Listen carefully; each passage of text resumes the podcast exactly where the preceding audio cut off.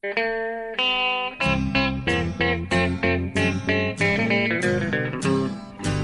out there, we're on the air. It's hockey night tonight. Tension grows, the whistle blows, and the puck goes down the ice. The goalie jumps and the players bump, and the fans all go insane.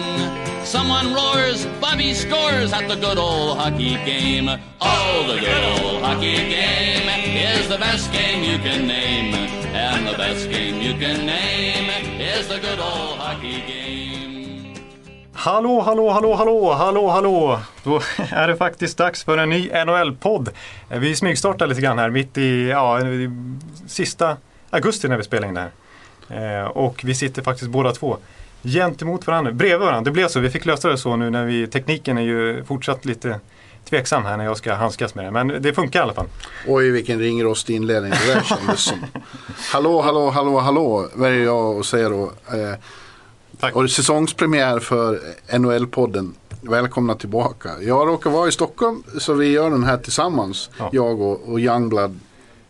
Som är väldigt nervös känns det som. För vi sitter verkligen bredvid varandra i ett litet inspelningsrum på redaktionen i Stockholm. Ja precis, jag är van att sitta, nu sitter vi i inspelningsrummet Löpet. Jag är van att sitta vid Sport Sebastian så det här, bara den flytten är ju väldigt svår för mig här. Men, och nu hamnar jag, jag är van att sitta i den här lilla trånga utrymmet för mig själv. Men nu sitter vi faktiskt bredvid varandra och snackar NHL här helt plötsligt. Ja. Igen. Ja, Eh, för vi kör en liten smygstart här. Vi måste ju visa att vi fortfarande existerar. att vi är vid liv. Ja. Ja, och det var ett tag sedan nu. Det har gått två månader sedan vi körde sista. Typ. Ja, Eh, och lite mer till och med. Nej, precis. början av jul. Okej. Hur har sommaren varit då Jonathan?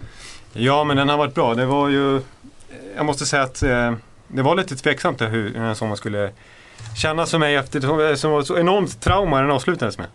Ja. Eh, Jag kom ju över det någorlunda bra där med lite golfspelning och sånt där i Tampasolen. Men det var, det var tungt. Men eh, jag har haft det rätt bra. Jag har varit, eh, eh, ja, jag har varit eh, mest hemma i mitt varma Örby. Jaha. Lyckades pricka in de här eh, augusti-semesterveckorna som man skulle haft. Det var ju eh, de flesta som hade i juli. Jag avundas er inte. Då satt jag på redaktionen och jobbade i regnet. Och så tog jag semester när det var tokväder i augusti. Så jag, jag, den grejen har jag kört. Inte, inte, inte jättemycket. eh, Det är liksom lite kräftskivor som har spårar och sånt där. Men inte, jag går inte in på alla detaljer. där Det, var, det behöver du inte heller. Jag har Nej, inte okej, frågat efter det. Nej, just det, det gjorde du inte. Nej. Ja, men jag passar, jag passar pucken vidare. Vilken segway. Ja, eh, min sommar var, eh, har också varit lugn. Jag var kvar i New York hela juli. Eh, och gjorde nästan ingenting. Jag bara var, hängde i en eh, sommarslö storstad. Det var rätt härligt. Och Ja. I början av augusti, 9 augusti så, så flög jag hit då till Sverige på semester. Och då började det fina väder här. Det var väl det jag Ja. kände på mig. Jag kom hem med, ja, så jag kom hem med, med sommarvädret och sen har jag haft det ett schysst uppe i, i, i Dalarna och tagit det lugnt. Ja. Det var väldigt lite hockey. Ingen alls. Det brukar det vara när jag är hemma men det blev inte så nu. Och eh, ja, sista dagarna här är jag i Stockholm innan jag flyger tillbaka till New York då. Ja. Ja, du tog, snacka om att du tog med dig fina väder. För jag såg eh, dina uppdateringar från New York där mitt i i juni och juli när man var så, eh, satt här och liksom bara såg hur regnet ösnade. Så skrev du att det är 37 grader och bastu i New York. Ja, det, var, det är ju det. Det blir så på, på somrarna. Det är ju jävligt hett och fuktigt. Så det är som att gå ut i, det är verkligen att gå ut i en ångbastu. eh, men jag tycker det är rätt, eh, ja, jag gillar det. Vi ska, vi ska säga det, det kommer inte bli en maratonpodd på samma sätt som vi avslutade förra säsongen med. Den var ju två timmar och 40 minuter. Och tack till alla som på något sätt lyckades eh, plöja igenom de, de timmarna. Det var ju en bragd nästan. Ja, Men det är nämligen så att Sillypodden här delar det här rummet. Det är egentligen deras rum ska vi säga. De, de vill ta över här ganska snart.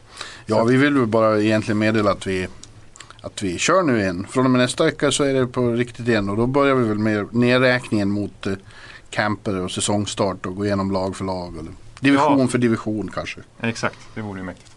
Ja, men det, det, är tanken i alla fall. Så att vi, vi hinner bara gå igenom lite grann då. Ja, men det har ju, det har ju hänt lite under sommaren. Eh, även sedan vi slutade. Ja, absolut. Eh, absolut. Ja, ja. Saker som, eh, Som vi borde kommentera. ja, som vi borde kommentera. Vi kan ju börja med eh, den stora skrällen i New Jersey. Va? Ja, vi tar den. Eh, I Toronto slash New Jersey. Ja, det var ju eh, en rätt stor grej redan att Lula Moriello klev av som general manager. eh, och Ja. skulle bli president i, i New Jersey. Och det kändes som redan där inleddes en ny era i Newark.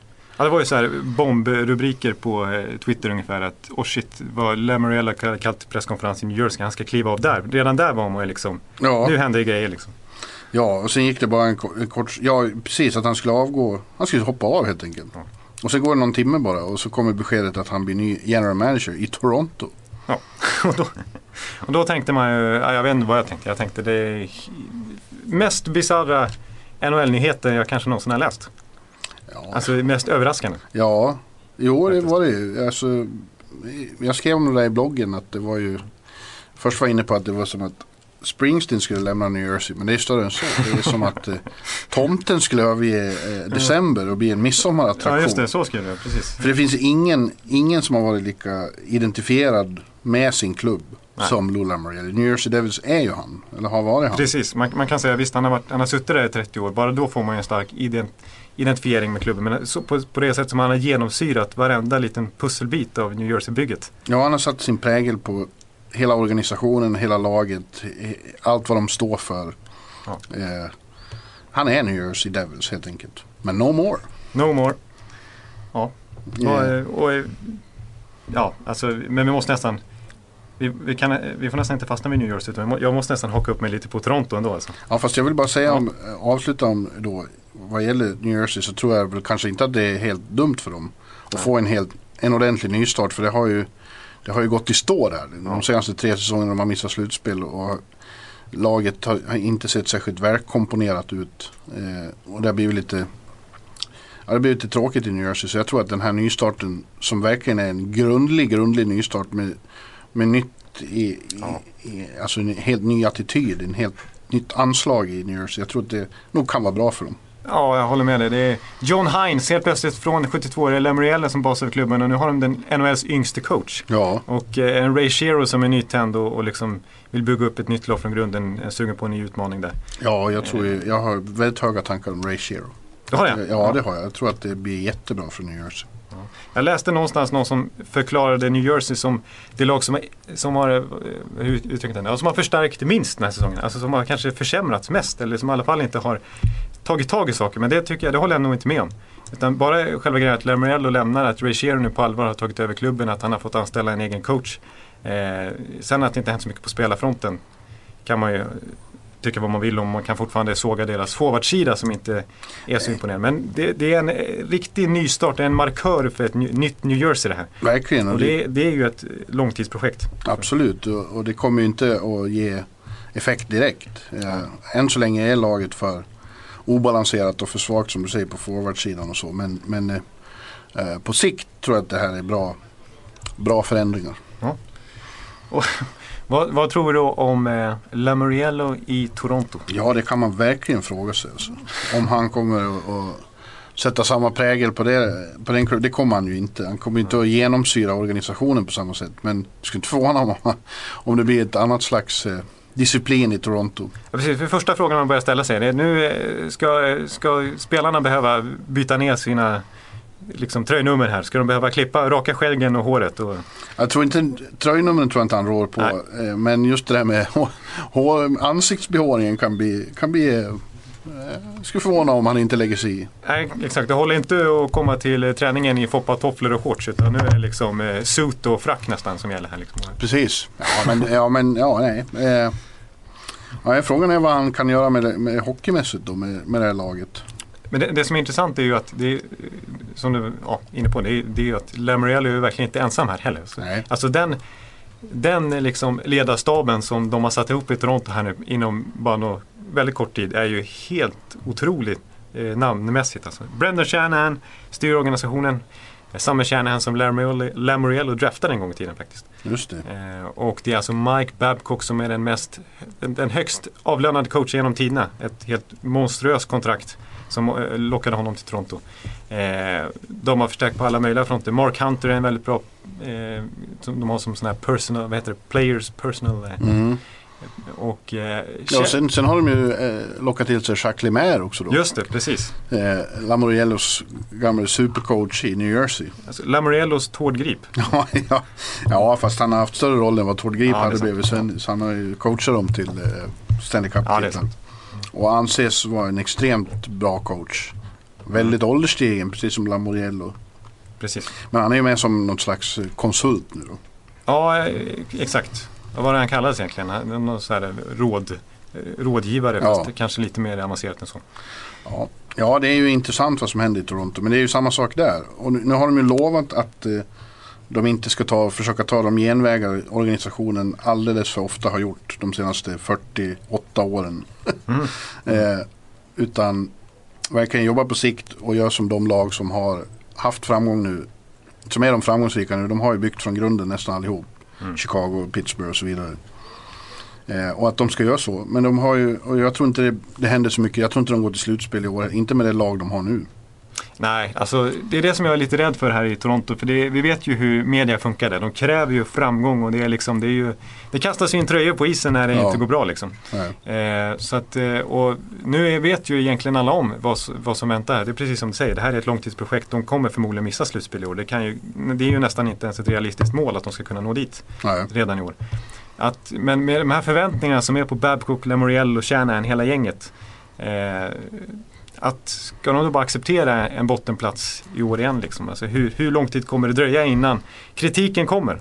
Ja, tålamodet är ju inte Torontos eh, kännemärke direkt. Eh, men det, ja, det kommer att krävas det. De måste ha tålamod.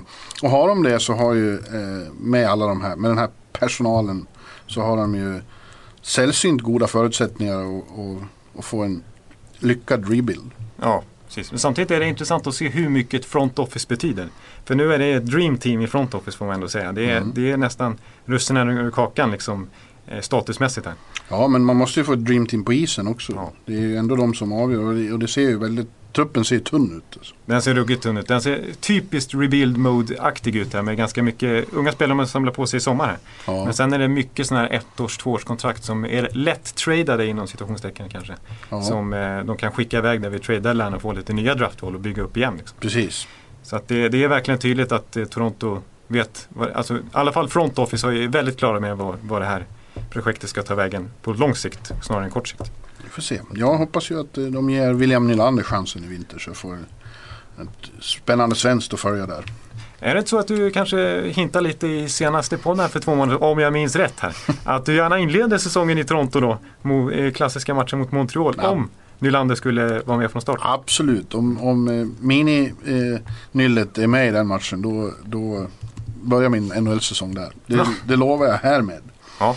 Vi, vi fick faktiskt en fråga här innan podden om eh, vad vi tror om William Nylander och eh, hans status eh, i sommar. Och det har ju vi inte så jättebra koll på. Nej. Förutom att jag har sett på Twitter, det kanske ni, eh, några lyssnare har gjort också, bilder som har spridits på Nylander när han ser ju ruggigt bitig ut alltså. Jaså, jaha. Ja, han Det ser, det, det syns att han har lagt på sig kilo och att han ser vältränad ut. Liksom. Det är inte en liten pojke kroppsmässigt längre. Nej. Så att, eh, det är ju lovande i alla fall. Det låter lite som Filip Forsberg-grejen.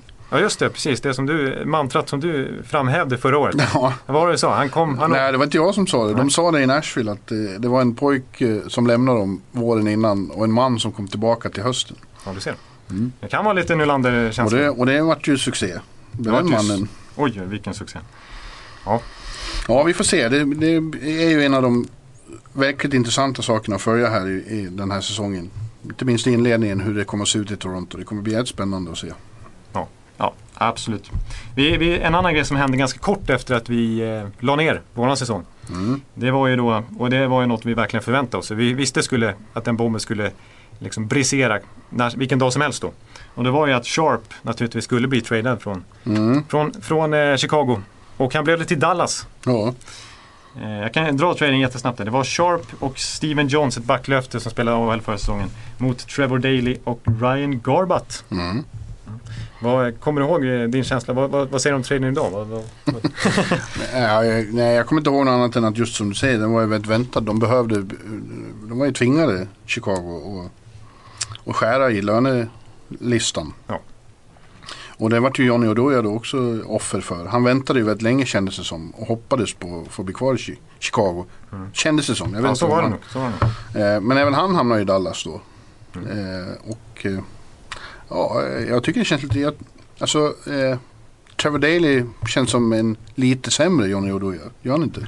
Inte Ja. mycket, mycket sämre, men lite sämre. Det känns ungefär som samma spelartyp kan man säga. Ja, Bara att, eh, ja, alltså... eh, lite billigare. Lite billigare.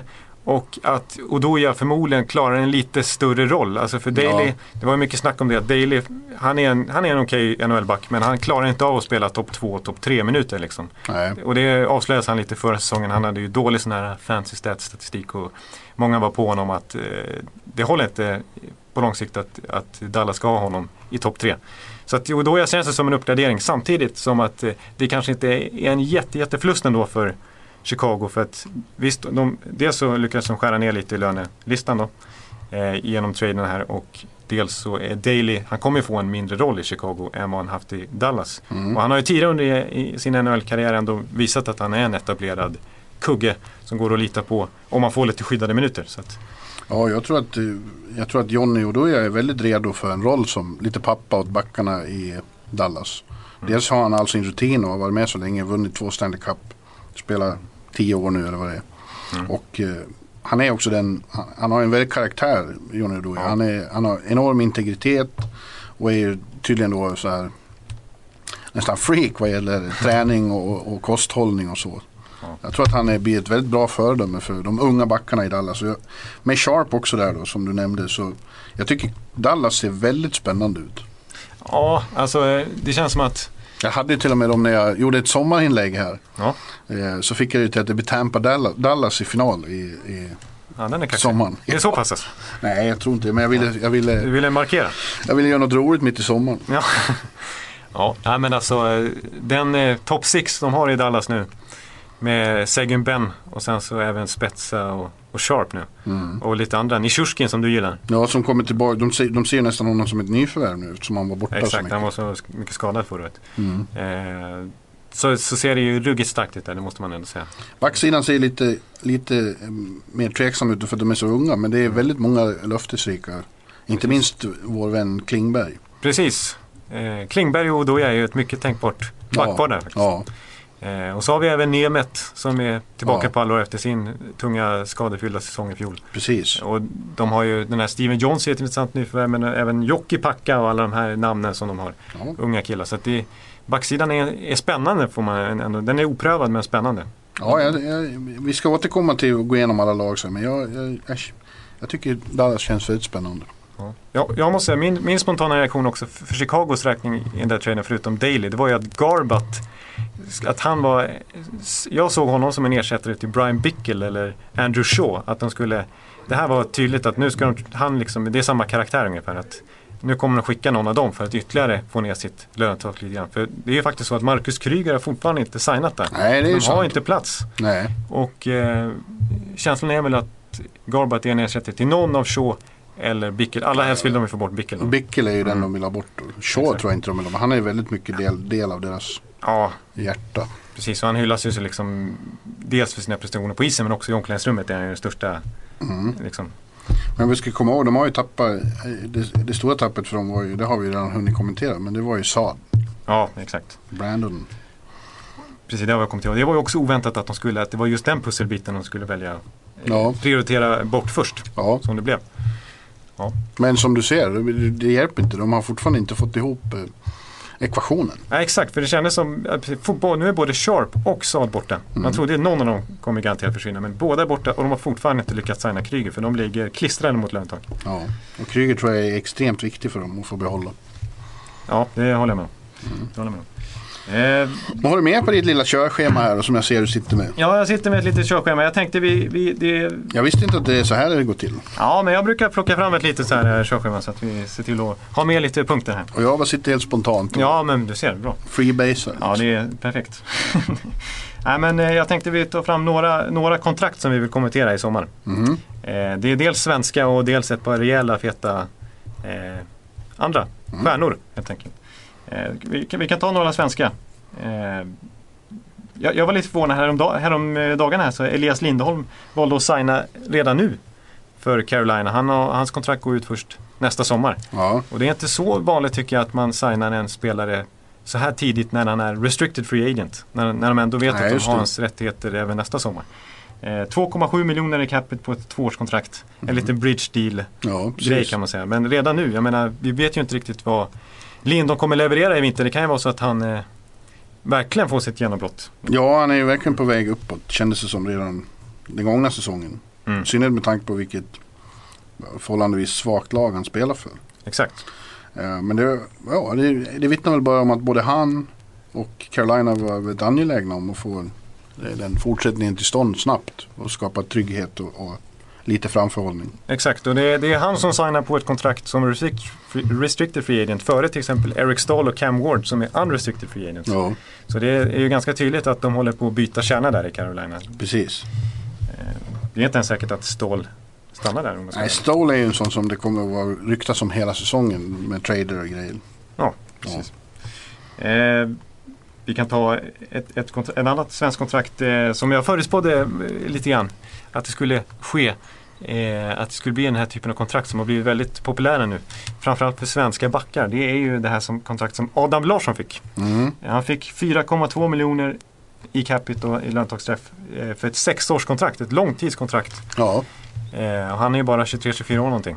Eh, och avslutar ju förra säsongen väldigt starkt efter coachbytet. yes. Eh, övertyga både, båda oss två. Ja, att han är på riktigt. Ja. Och eh, nu, får han, nu skriver han alltså ingen eh, bridgeavtal eller något liknande utan nu är det verkligen så här. Nu får du bra betalt här under en lång period. ja, väldigt bra för Adam. Mm. Och bra för New Jersey. De är uppenbart att de tror på honom efter den här andra halvan av säsongen. När han fick större förtroende och mer speltid och, och verkligen tog tillvara den chansen. Scott Stevens som ju då var backcoach älskade ju Adam. Exakt. Det var ju enorm skillnad mot att mer eller mindre sitta bänkad eller vara sjätte back till att få dem alltså spela över 20 minuter varje natt. Eller varje Ja. kväll. Liksom. Ja. Jag känner inte Adam närmare, alltså vi är bekanta så. Men jag föreställer mig också, jag får för mig, jag tror att det är väldigt bra för honom att få, han känns som en sån som tycker om att få den sortens trygghet. Mm. Eh, Och inte behöver tänka på det alls. Det tror jag är väldigt bra för honom som hockeyspelare. Exakt, nu har han faktiskt ett sexårskontrakt. Han behöver inte tänka på någon förhandling eller samtal med agenten Nej, eh, varje månad. Utan nu vet han bara att han är, han är en eh, given back i New Jerseys uppställning. Där, Ja. Och har få förtroende. Men jag har ju sett andra... eh, Typ, men vad, vad- menar du när du, när du sa att, eh, att du förutspått att många backar just kommer få den här sortens kontrakt? Ja, men vi- vi har varför, var, ut- varför utgår du från det? ja, men jag tycker man har sett det tidigare här. Vi har ju Victor Hedman skrev sånt här kontrakt. Ja. Och det blev- var ju väldigt bra för honom. Att man vill liksom ha en, en, en kärna av backar som man... Ja, att man ger en... Just Hedman fick ju också 4 miljoner för femårskontrakt eller om det var sex år. Eh, Och för Tampa Bay i det här perspektivet så är det ju ett fantastiskt kontrakt. Ja, verkligen. För att han är skulle ju mycket. underbetald just nu. Ja, är han. Eh, Samtidigt kanske det var bra för Hedman att han fick just den här säkerheten. Ja. Nu vet han att han är Tampa-trogen under lång tid. Han kommer tjäna bra med pengar ändå. Och skulle han ha varit ute på öppna marknaden den här sommaren då hade han kunnat raka in Alltså, minst det dubbla. Exakt. Eh, John Klingberg skrev ett sånt här kontrakt i april-maj. Ja, just det. Eh, Brodin har samma upplägg. Eh, och jag, jag tog några andra forwards, eller andra även backar som inte är svenska som har liknande kontrakt och som det har blivit, eh, eh, man säga, som har varit en bargain för klubbarna. Att, de har, att spelarna har velat ha en långtidskontrakt redan i ung ålder och alltså accepterat en capita på ungefär 4-5 miljoner. Som de nu har överpresterar utifrån. Alltså, jag tänker på till exempel Tyler Seguin, Mm. gravt underbetald just nu. John Tavares tjänar bara 5 miljoner. Det är mindre än vad Matt Carl gör fram till 2019 och sånt där. Giordano i Calgary får ju lite mer pengar men inte, in, inga fantasisummor för att vara NHL. För sitt kontrakt. Nej, nej, vi, vi kan ta upp det faktiskt. Vi har ju några sådana här kontrakt. Eh, vi behöver inte snöa in oss på svenska här. Eh, Mark Giordano alldeles här i veckan. 6,75 miljoner tror jag det var Mm. i capita för ett sexårskontrakt. Det är mycket men, men det är lika där. Han skulle kunna få mycket mer. Ja, alltså han blir ju unrestricted då nästa sommar Mm. skulle han bli. Och, Ja, eh, Eh, och, och det var ju spekulationer om att de tradade till sig Doggy Hamilton tidigare i somras, Calgary, för att som ersättare då till, till eh, Giordano på lång sikt. För Mm. att eh, Giordano ville ha 9 miljoner sades sades det. Alltså Ja, PK. Subban-pengar. ja.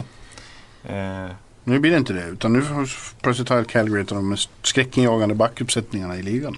ja, exakt.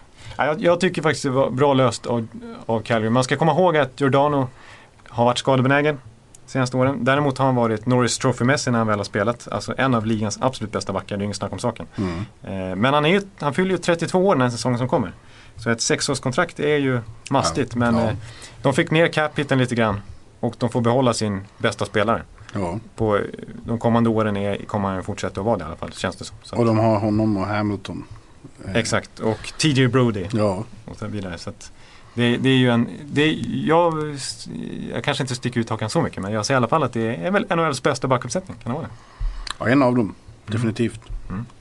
Jag skulle säga att Chicago har ett bra backuppsättning också med Duncan Keith och Seabrook och Niklas Hjalmarsson. Ja, bara den tro- trojkan, det kunde man ju vinna Stanley Cup med. Det är Ja. inte så tydligt ens. Eh, sen har vi St. Louis och Rangers tycker jag har bra också. Ja, och When you're ready to pop the question, the last thing you want to do is second guess the ring. At Bluenile.com, you can design a one of a kind ring with the ease and convenience of shopping online. Choose your diamond and setting. When you find the one, you'll get it delivered right to your door. Go to Bluenile.com and use promo code LISTEN to get $50 off your purchase of $500 or more. That's code LISTEN at Bluenile.com for $50 off your purchase. Bluenile.com code LISTEN. Ett, eh, ja, men, eh, ett annat liknande kontrakt i Capit faktiskt som har varit desto mer utskällt. Det är faktiskt Ryan Kesslers kontrakt. ja. Han fick också nästan 7 miljoner i Capit för ett sexårskontrakt. Och han är ungefär i samma ålder som Giordano. Mm. Eh, och eh, vi har ju hyllat honom hela säsongen sagt att han är pusselbiten som Hela som, förra säsongen. hela förra säsongen. Mm. Det är en ny säsong nu Johan. Nej, ny säsong nu. Ja, förlåt. Eh, och, och sa att han var liksom, det var ju tydligt att det var den där andra centerspotten som han fyllde upp och han har karaktären liksom för att gå långt Ja. i slutspel och så vidare. Men Ja, det tror jag fortfarande att Mm. eh, Anaheim har en väldigt bra chans igen här. Inte jättemånga, men nu känns det som allt eh, som de spelade innan de här två sista matcherna mot Chicago. Spelade de ju fantastisk hockey i slutspelet. ja, det, det, det är ingen snack om det. Och, det. och det är lite sådär, om det ska följa ett mönster här nu. De har ju gått till åttondel, kvart, Ja, semi. exakt. Då är det finalen Ja, nu. ja det är dags för det. Eh, Och i Western, med tanke på att Chicago har backat lite på pappret i alla fall, så känns det som att det här är Anaheims år. Ja, det är det- nu de ska vinna. det är, nu, är det, ja, nu är det verkligen upplagt för dem. Ja. Tycker jag. Eh, och de har ju eh, gjort några ändringar i truppen som jag tror kan bli bra. Alltså, eh, de, träff, de tappar, eh, heter han?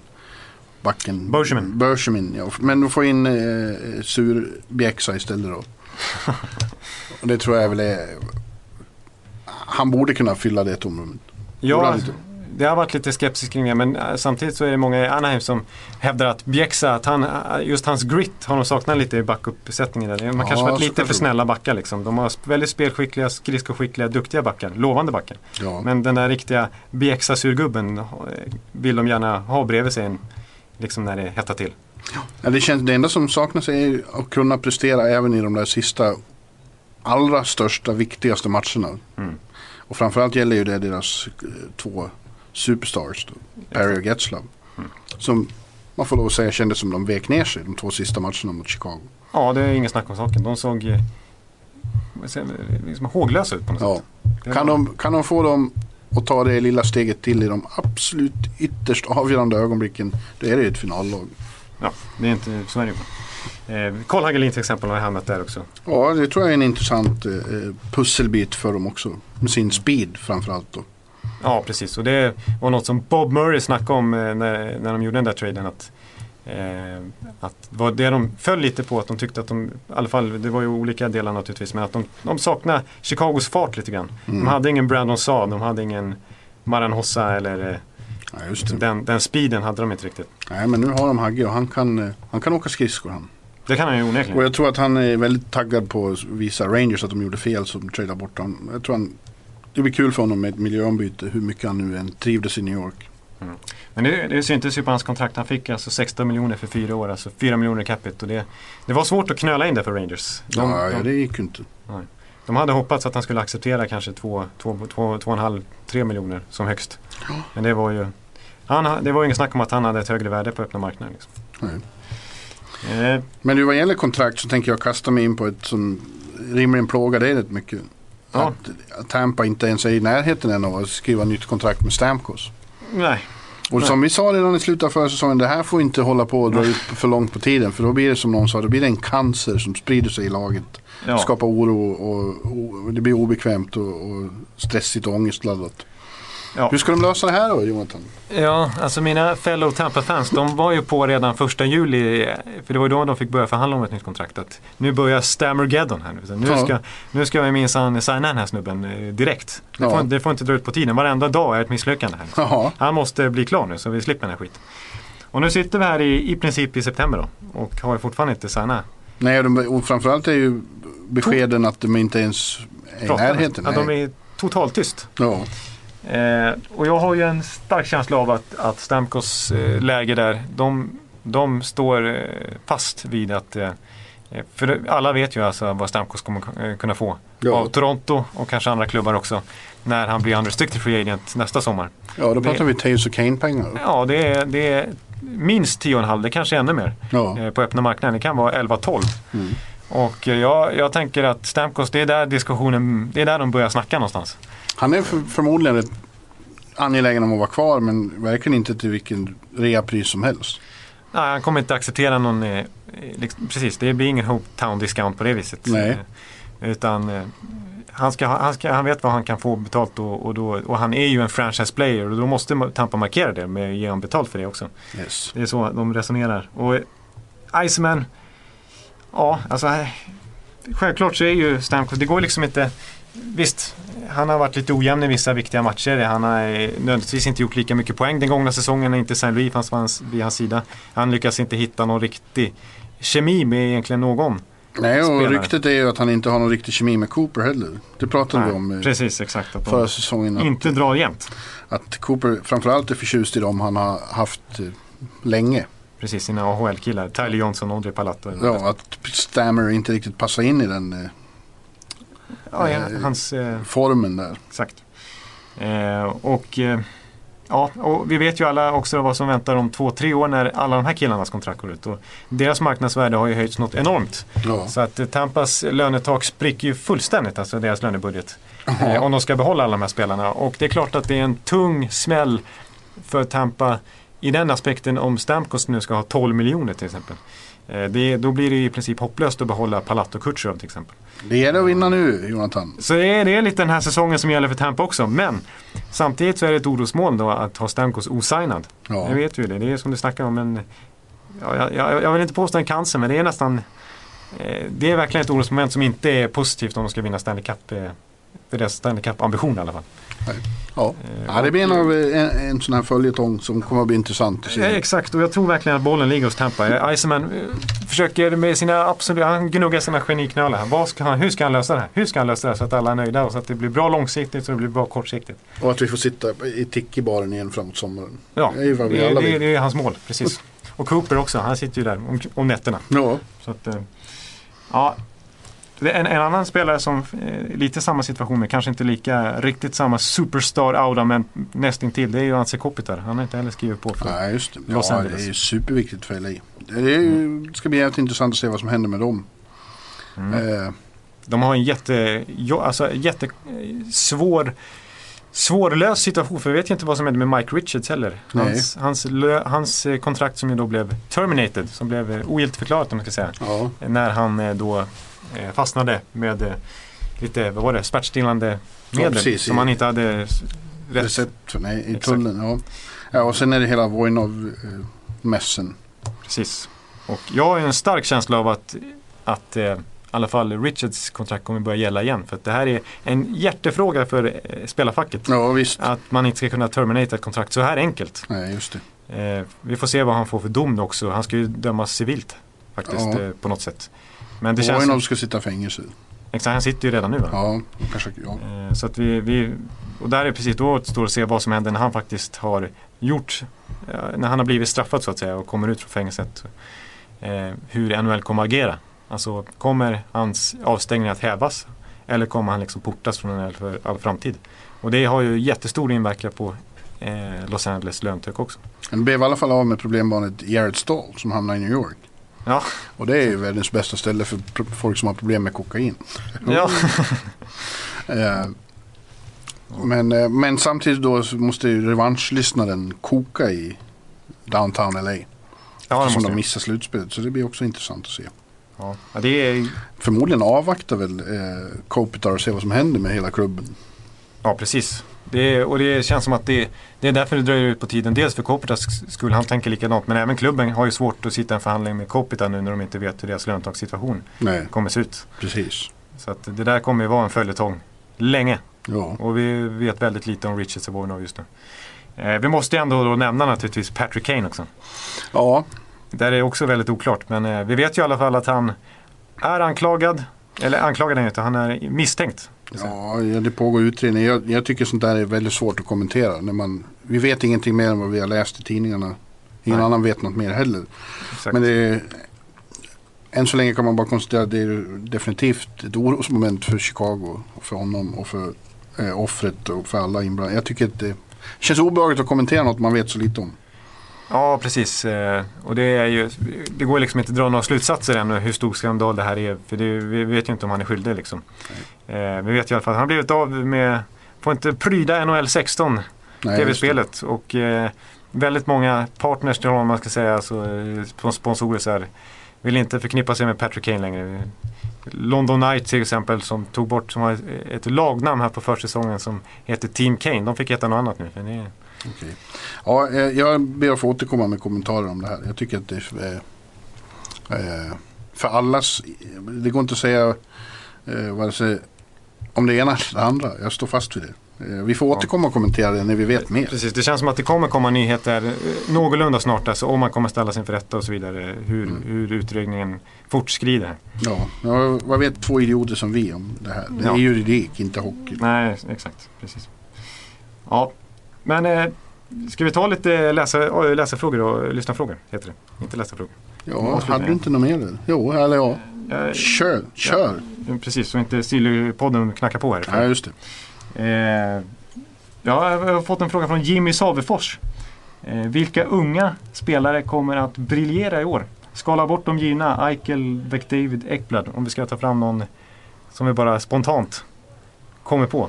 Ja, efter din rapport här om William Nylander, att han har genomgått eh, Filip Forsberg, eh, metamorfosen under sommaren. Så eh, ja, William är en eh, tänkbar sån. Ja.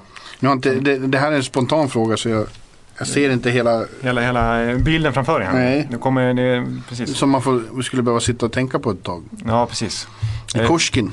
Ja, precis. Han får ju faktiskt en, eh, han har ju han har glömt bort lite grann nu. Och nu kommer han tillbaka här och med en extrem omgivning. Så det finns ju alla förutsättningar på honom. Han kan bli årets eh, Tarasenko. Ja, det är inte helt omöjligt faktiskt. Nej. Han, jag tyckte han visade goda intentioner för Ja. två år sedan när han faktiskt var frisk. Ja. Och fick inleda NHL direkt. Ja, så jag höjer ett varningens finger för Nikorskin. Ja, det är helt Min gamla favorit. Ja, ja. Jag, jag en spelare, det här är inte så oväntat. eh, Men jag, jag, tyckte, jag, blev så, jag var så fäst vid Mark Stone faktiskt i slutet på förra säsongen. Så att jag Ja. tror att han, nu när han kan verkligen få förtroende för start och spela första kedjan powerplay och så vidare. Jag tror han kan göra upp mot 70 poäng alltså. Eh, Det är en riktigt bra byggsten där för, för Ottawa. Mm. Som har längtat efter det. Jag har fortfarande inte lärt mig över sommaren, jag vet. Vad, vad har vi sagt att du ska tänka Ja, på? ja. Åtta? Och va? Ja. Ja, just det. Bra byggsten för åtta, va? Ja. ja. En fråga, den här, den här kommer vi komma in på eh, senare tror jag. Eh, om vi bara spontant säger, vilka tror vi vinner Metropolitan Division? Det frågar Filip Dahl. Det är många som frågar Metropolitan. Ja, det förstår jag. För den, det känns ju som ett extremt getingbo i Mm. år.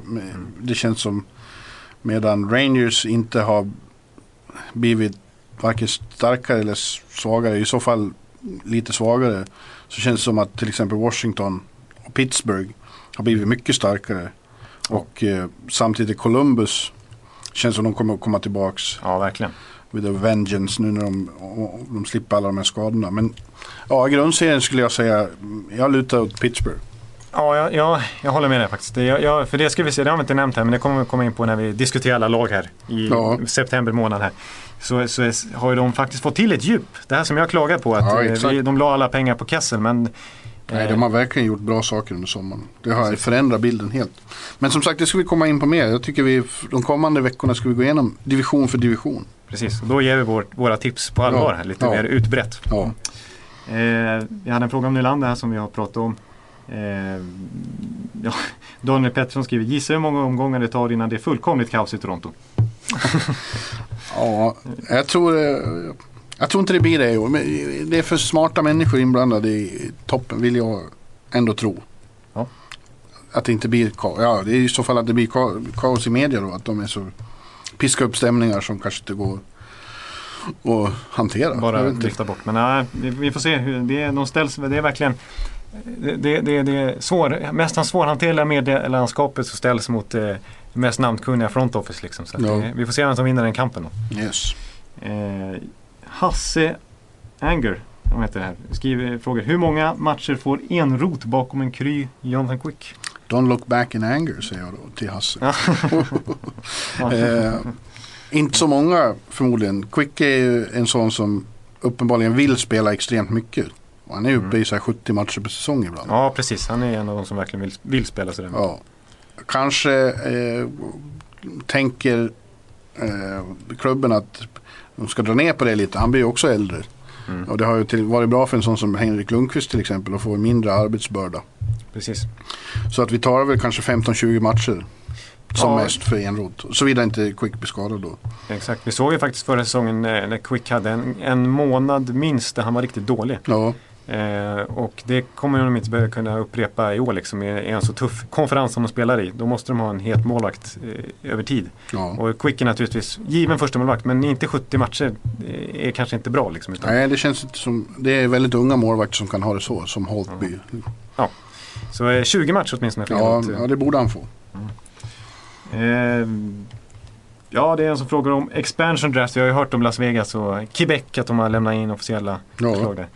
Hur, hur, eh, det var en väldigt avancerad fråga. Hur går de till och hur, eh, vilka skulle ni drafta i så fall? Och det tar ju en hel podd att gå igenom. Ja, det får vi ta och gå igenom sen. Ja. Det är väl inte den kommande draften som blir så, utan den där på då. Precis, det är 2017 det skulle vara aktuellt med ett nytt, eh, med de här nya lagen. I alla fall Ja. Las Vegas. Då. Jag, jag kan inte alla detaljer, men jag vet så mycket som att tidigare har det varit så att de befintliga lagen får skydda typ eh, eh, Exakt. 15 spelare, inklusive si- en målvakt då.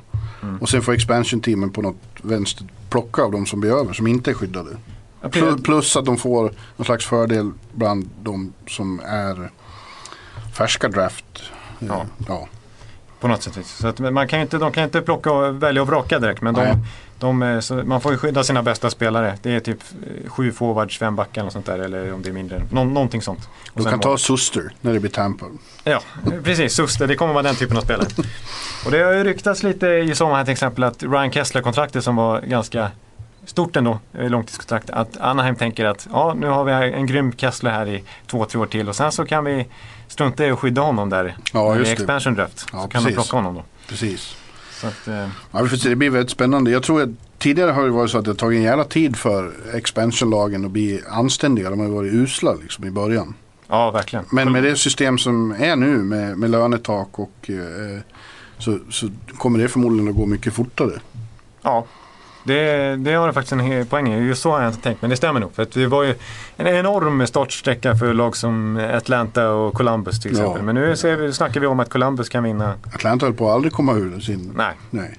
exakt. Men eh, ja, det, det känns som att Ja, det kommer... i lönetakseran här så, så finns det ändå möjligheter att eh, kunna etablera sig någorlunda snabbt. Ja, jag tror det också.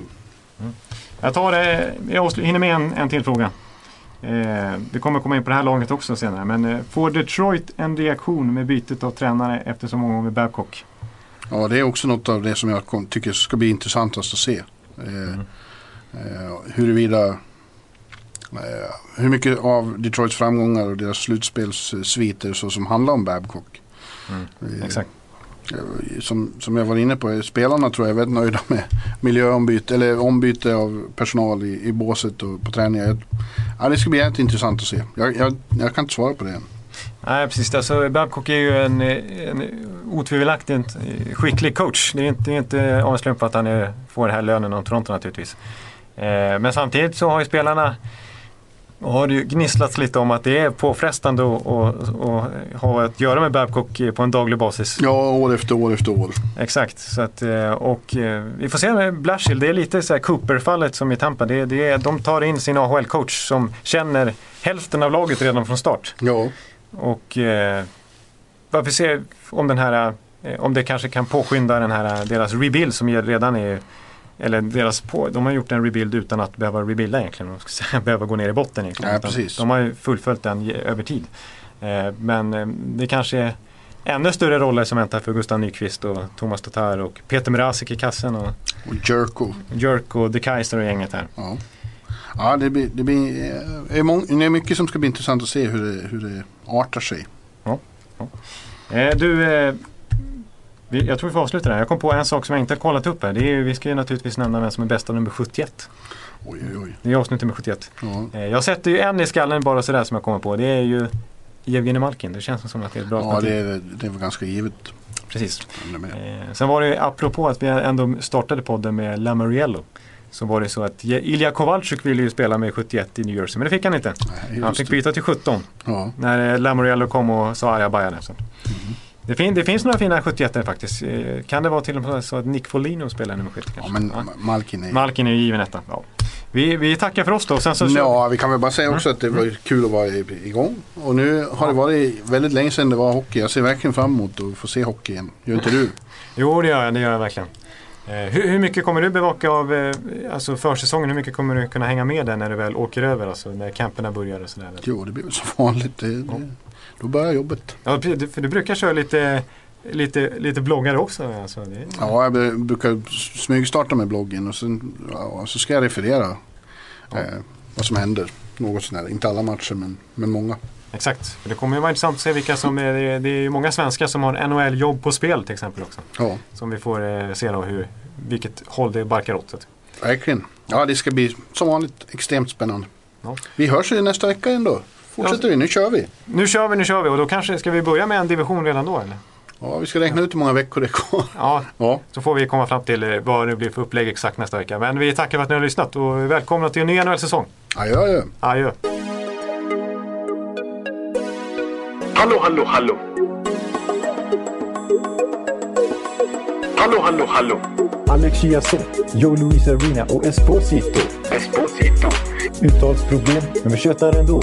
Och alla kan vara lugna, inspelningsknappen är på. Bjuder Hanna Kohl, han är grym i sin roll. Från Kållesoffan har han fullständig kontroll på det som händer och sker. Det blir ju allt fler som rattar in hans blogg. Och lyssna på hans podd. One, two, time, speed, so Hallå, hallå, hallå. One, two, time, speed, so Hallå, hallå, hallå. Ekeliv, som är ung och har driv. Verkar stor och stark och känns allmänt massiv. Han hejar på Tampa och älskar Hedman. Sjunger som Sinatra. Ja, och där ser man. Nu är det dags för refräng. Dags för magi, Victor Norén. Du är ett geni. Så stand up at home and remove your hats. Höj volymen, för nu är det plats. One, two, time, speed, so Hallå, hallå, hallå. One, two, time, speed, so Hallå, hallå, hallå. One, two, time, speed, so Hallå, hallå, hallå. One, two, time, speed, so Hallå, hallå, hallå. Det är otroligt länge sedan båda samtidigt var så här bra. Hallå, hallå, hallå. Det är otroligt länge sedan båda samtidigt var så här bra.